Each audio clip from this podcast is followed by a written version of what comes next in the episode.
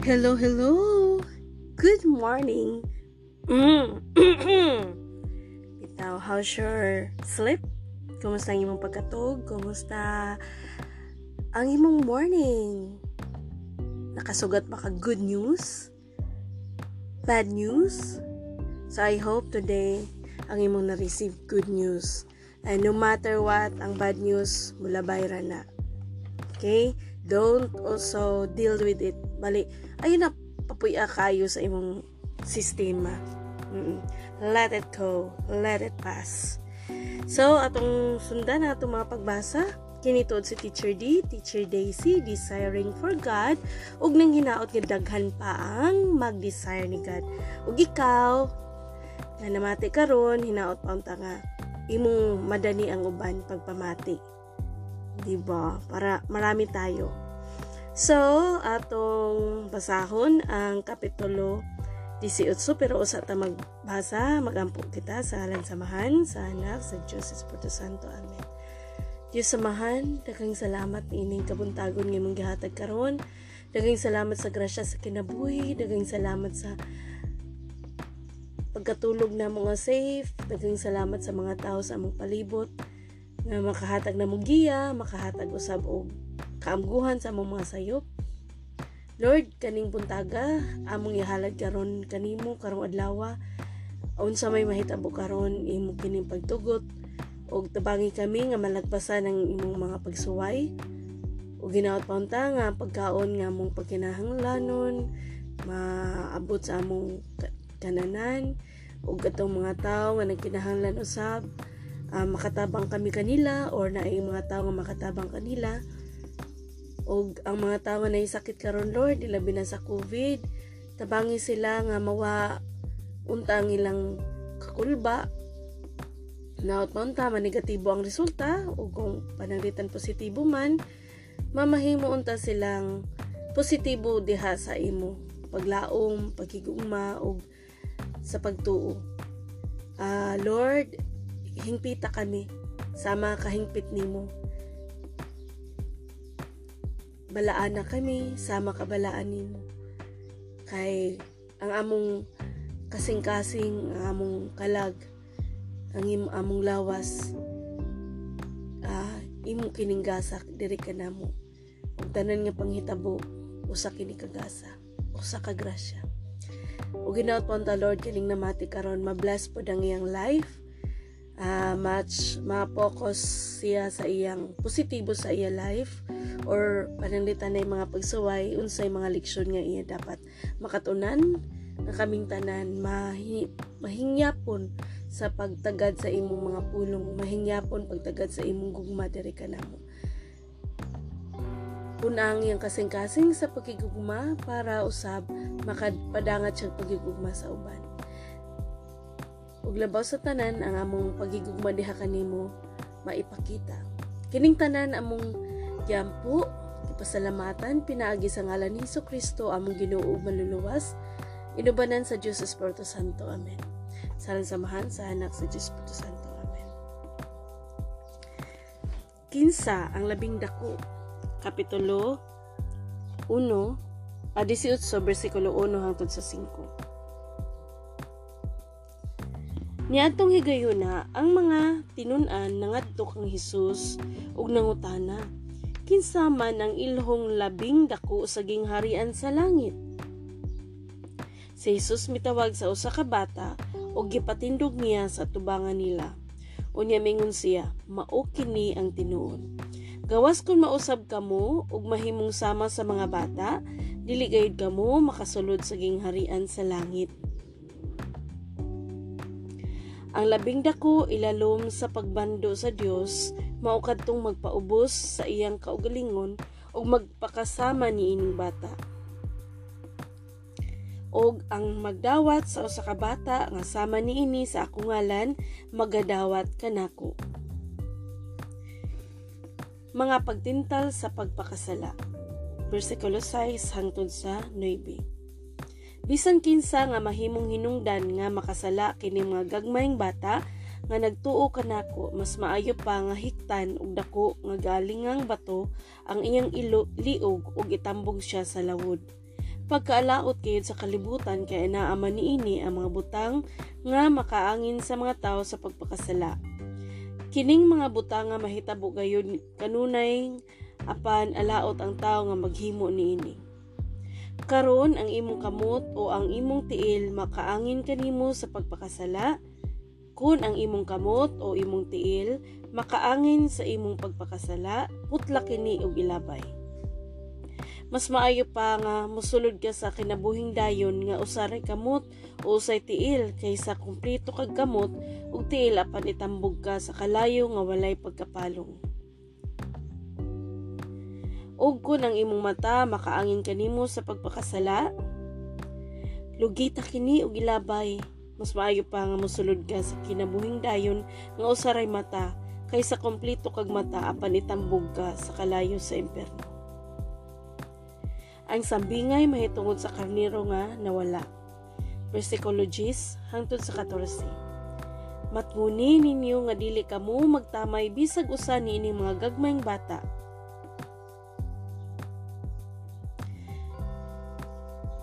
Nga managtuo kanako. Kay sultihan ko kamo ang ilang mga anghel at tua kanunay sa tubangan sa akong amahan dito sa langit sa inyong hunahuna, unsa may buhaton sa usa ka tawo kung kawad-an siya usa sa iyang sa iyang usa ka gatos ka karnero, iya gayong biyaan ang 99 nga manibsib dito sa bungtod ug mulakaw siya aron pangit pangita sa nawala. Sultihan ko kamo nga sa dihang makit-an na niya kini, mas malipay pa siya pag-ayo tungod ni ining karnero ha kaysa 99 nga wala wala mawala. Sa samang paagi ang inyong amahan nga tuwa sa langit, dili buot nga may mawala, bisag usa nining mga gagmayng bata. Ang igsuon nga nakasala. Versikulo 15 hangtod sa 17. Kung ang imong igsuon makasala kanimo adto siya og pakita siya sa iyang sayop. Apan himua kini nga kamurang duha kung mamati siya kanimo magkauli ang inyong maayong kabubuton, apan kung dili siya mamati kanimo, pagdalag usa o duha ka tawo aron ang matag sumbong kapamatud-an sa duha o tulo ka saksi. Sumala sa gingon sa kasulatan. O kung dili gayud siya mamati kanila, isulti ang tanan nga to sa simbahan. O kung sila kung dili siya mamati sa simbahan isipa siya nga usa ka dili magtotoo o kobrador sa buhis.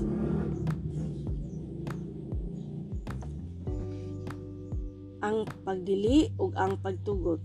Bersikulo 18 ngadto sa 20 18 ngadto sa 20 ugusa ubusa sultihan ko kamong tanan ang inyong idili dinhi sa yuta idili usab dito sa langit o ganyang itugot din sa yuta, itugot usab dito sa langit. Og sultihan ko pagayud kamo, kung duha kaninyo dinhi sa yuta magkauyon, sa pagpangayo bisag unsang butanga, kini ihatag kaninyo sa akong amahan, nga atua sa langit. Kay kun may duha o tulo nga magkatigom sa akong ngalan ana ako uban kanila. Ang sambingay mahitungod sa sulugoon nga wala mo pasaylo. Versikulo 21 hangtod sa 35. Unya miduol si Pedro kang Hesus ug nangutana Ginoo kun ang akong igsuon kanunay man nakas- makasala kanako hangtod kapila ko man siya pasaylood. Kapito ba? Si Jesus mitubag dili kay kapitura kun dili kapituan kapito kay ilalom sa pagmando sa Dios ang kahimtang sama sa usa ka hari nga naghusay sa mga utang sa iyang mga sulugoon. Sa diha nga nagsugod siya paghusay gidalangan to kaniya ang usa ka sulugoon nga nakautang kaniyang dako kaayong kantidad. Wala siya igong ikabayad sa iyang utang. Pusa misugo ang iyang agalon nga ibaligya siya, lakip ang iyang asawa ug ang iyang mga anak, ug ang tanan nga iya aron makabayad siya sa utang.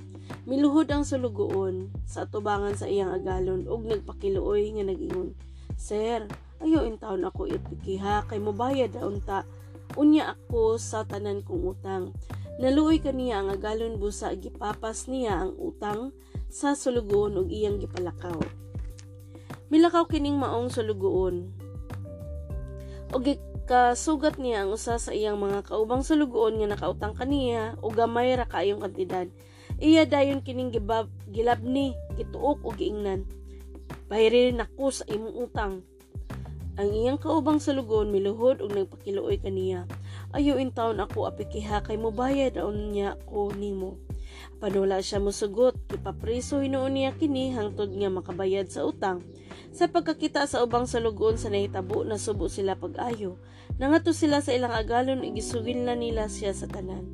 Busa kipatawag sa agalon ang salugon ug giingnan. Wala kay puangod. Gipapasko ang tanan mong utang kay ginagpakiluoy ka man kanako. Angay kauntang maluoy sa imong isig ka sulugoon sa mga ako naluoy kanimo. Nasuko pag-ayo ang agalon ug gipapreso niya ang sulugon aron silutan hangtod nga makabayad siya sa tanang utang. O gitapos ni Hesus ang sambingay sa pag-ingon. Ingon usab niya ana ang buhaton kaninyo sa akong amahan nga atoa sa langit kung dili kamo mopasaylo sa inyong isig katawo sa kinasing-kasing gayud. Mao kini ang pulong sa Ginoo. Amen. Thank you, Lord. Daghantag nakatunan karon adlaw. Number one, kinsa ang labing dako? Ang labing dako mao to ang mudawat sama o ang mupaubos sa iyang kaugalingon sama sa mga bata. Ug ang mudawat sa usa ka bata nga sama niini sa akong ngalan magkag magadawat kanako. Okay? So, ang magpaubos nga sama sa mga bata. Tanawar ko niya itong mga kabataan. Yung mga bata ba? Diba? Dali ra silang magka-uli. No? Dali ra silang makapa siguli sa usag-usa sa ilang mga amigo, amiga. Kung mga tiguwang nakasala kanila, uh, makapasaylo sila. So, yun ana usab kita. Yun ana ta dapat para ta makasulod sa langit. Ikaw, kinsa may dili gusto makasulod sa langit diba tapos dirita sa ikaduha na tong katpagtulunan kung unsa nga part sa atong kinabuhi nga mga pagtintal sa pagpakasala unsa nga part sa atong lawas ang makapasala angay kini natong putlon or mas maayo putlon na lang gayon nimo ang sala diba kung sa may imong gusto, mawadan kag kamot. Or, putlo na lang yun mo ang sala. Kung panalitan ang atong kamot, nagunit ta sa sala. Sala sa korupsyon. O, asa may imong gusto? Putlan kag kamot? O putlo nimo ang korupsyon? Cool ba, no? Putlo na lang nato atong sala tapuson na lang siya. So, dapat tapuson gud ang sala. Kay, asa man ka, kompleto imong lawas niya pagkaman. Very particular kayo si Jesus Christ sa iyang teaching. Nga, nga pa man nato siya ma, masabtan. No? Kay, usahay, dili nato gusto nga atong puyan. Particular kayo siya sa iyang gusto. Tapos kaning sambingay nga mahitungod sa kaniro nga nawala, si Jesus Christ nagpakita nato nga ang atong amahan niya sa langit bisan daghan nakaayo ang nagmaayo pero kung naay nagbuhat og daotan o nahisakop sa pagbuhat og daotan. Gusto niya kay nawala man kini iya lang gipangita. So pananglitan uh, kung pananglitan nakakakaron sa sitwasyon nga ikaw ang maayo unya ang imong pares maoy nag nagpakadaotan. Ikaw maoy rason nga nung gihatag ka sa Ginoo ang imong pares karon. Or sa imong isuon or sa imong pamilya or sa trabaho nga mo ay magiya kanila unsaon pagbuhat og maayo so way gamit ang usa ka 100 or 99 pesos kung kung ang atong paliton 100 ang ang kantidad kuwang kag piso. So kinahanglan gid sakto. Kinahanglan sakto ta puhon inig inig abot na nato dito sa panahon nga kanang uh, nato ini gabot nato sa puhon. Ini huwis na sa Ginoo nato buo bata um, hinaynayan nato na. So kaning inyong igsuon nga uh, si teacher D. I'm not yet perfect. Uh, I'm still on the journey diba so kaning atong journey karong adlaw ika 48 na to ka adlaw nga hinaut nga hinay-hinay hinay-hinayon nato atong self pag digon sa atong pagtuo, pagbuo sa atong paglaom, pag perfect nato sa atong pagpuyo nga tuo makata Ginoo, di ba? So kung ang atong amahan, ang Diyos man atong gituuhan, dapat ato pud puyaan. Hmm. Dili man ta mahimong perfect kung wala ta kay baon sa ang pag-perfect. Pila ka items ang usa ka ka quiz kung kung wala ta kasabot kung pila ang dapat ma-perfect o pila ang, ang perfect. Yan na naman sa Bible kani sa balaang pulong. Mo man ang experience ko ni Jesus Christ. Siya na ng istorya ni ini. Kani pa ba di natutuuhan. So, naghingap na malangit, might as well atong hingyapon kung sa may mga butang nga makapalangit nato. O, di ba nang tuuta. So first, hintuuta, hingsalig ta, ug nagpuyo taan nga pagtuo. So tungod sa atong pagpuyo nga pagtuo, dapat atong tun-an. Unsa man day ni? So laban lang ta. Laban lang ta sa atong journey. Ang igsuon nga nakasala. So kani siya oh, nindot nga practice sa atong kinabuhi nga number one, number one, imo siyang istoryahan kung naa kay igsuon, no? igsuon sa pagtuo baron or nagkuani mo magstorya mong duha. Step 1 kamurang duha. Step 2 kung wala siya mamati nimo kamong duha niya magkuan kag witness. Oo ikaw na kay witness. Niya siya na apoy witness. Niya magstoryahay mo niya wa gihapon siya mamati no wa siya mamati wa siya mo magkauli. Adto mo sa simbahan. Adto mo sa simbahan. Dili gahapon siya mamati oo. Mama nagingon ni Hesus Kristo man eh. Dili man ingon nga kuan sa Kristiyano man nga pagtulunan na sa simbahan. So yun sa man nato be how far are we uh, resolving our kanang mga So, na na, mga conflict. Yun sa nato pag, pagkuhan sa ato mga conflict. Number one, kamong duha. Number two, na-witness ninyong duha. Isik ka witness. Tapos number three, nga na mo sa simbahan. Okay? Sunod, ang pagdili ug ang pagtugot.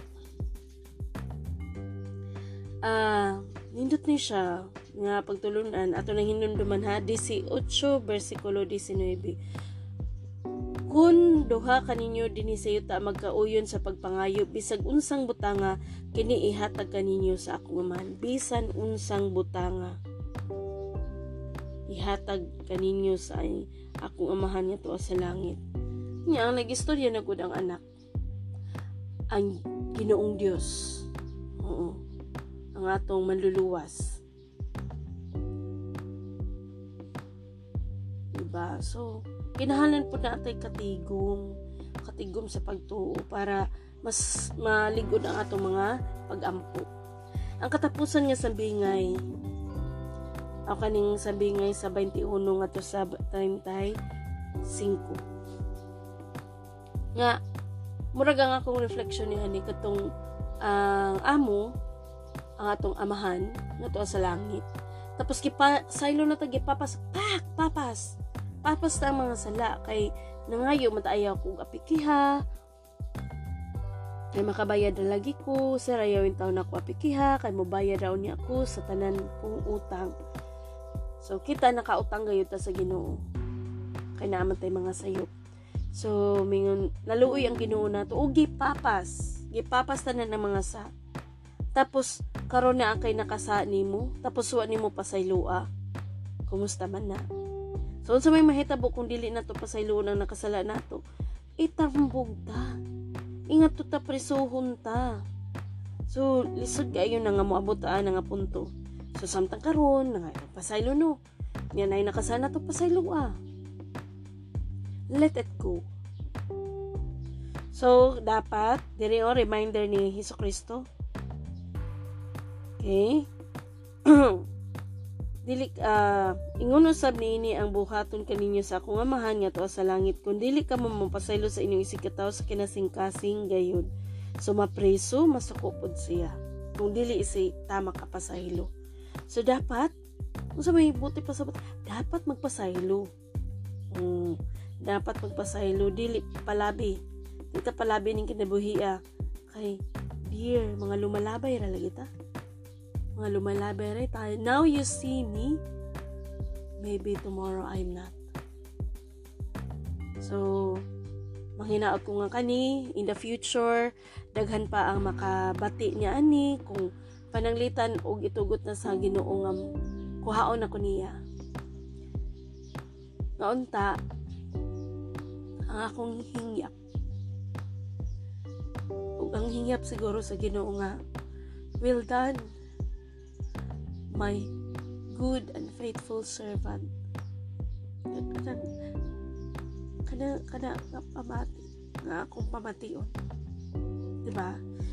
Ah, uh, sige, anyway, daghang salamat sa imong pagpamati, daghang salamat sa panahon. Ug dinhi na lang takutog. Magampo kita, mahana mo nga na sa langit, bala ano nang imong ngalan magari ka kanamo og tumano ng imong pabuti ni sayuta sa amang gituman kini dito sa langit. Ihatag ka namo ang pagkaon nga mong gikinahanglan karong adlaw ug pasaylo kami sa among mga sala. Sa mga kami nagpasaylo sa mga nakasala ka namo ayaw kami tugyan sa mga pagsulay. Luwasay noon kami gikan sa dautan kay imong gingharian. Ang gahom ug ang himaya hangtod sa kahangturan. Amen. Sa ngalan samahan Ah, magimaya ka Maria, na puno ka sa grasya. Ang ginoong Diyos, manakanimublan ikaw sa mga babae nga tanan, bulahan manusab ang bunga siyan mga sa Jesus. Santa Maria, inan ka sa Diyos, sigan po kami makasasala. Karon sa oras sa mga ikamatay. Amen. Himaya samahan sa anak sa Diyos Espiritu Santo, mayin sa sinugdan, karon sa gihapon sa mga katuigan ni wala katapusan nga tanan. Amen. O atong Uh, please follow after me. Sunod. Kay ako anak sa Dios Amahan, pinaagi kang Hesus Kristo, akong Ginoo manluluwas, inubanan sa Dios Espiritu Santo. Ako mahigugmaon. Ako may pagtuo, ako may paglaom, ako mapasayloon, ako magmapasalamaton, ako magmanggihatagon, ako responsable sa istorya, ako magmatumanon sa sugo, ug ako magmadayigon. Hiring tanan, among gipangayo pinagi sa ngalan ni Hesus Kristo among Ginoo. Amen. Sa samahan sa anak sa Dios. Bye. Thank you. Tomorrow na pod. Kalimot again tomorrow.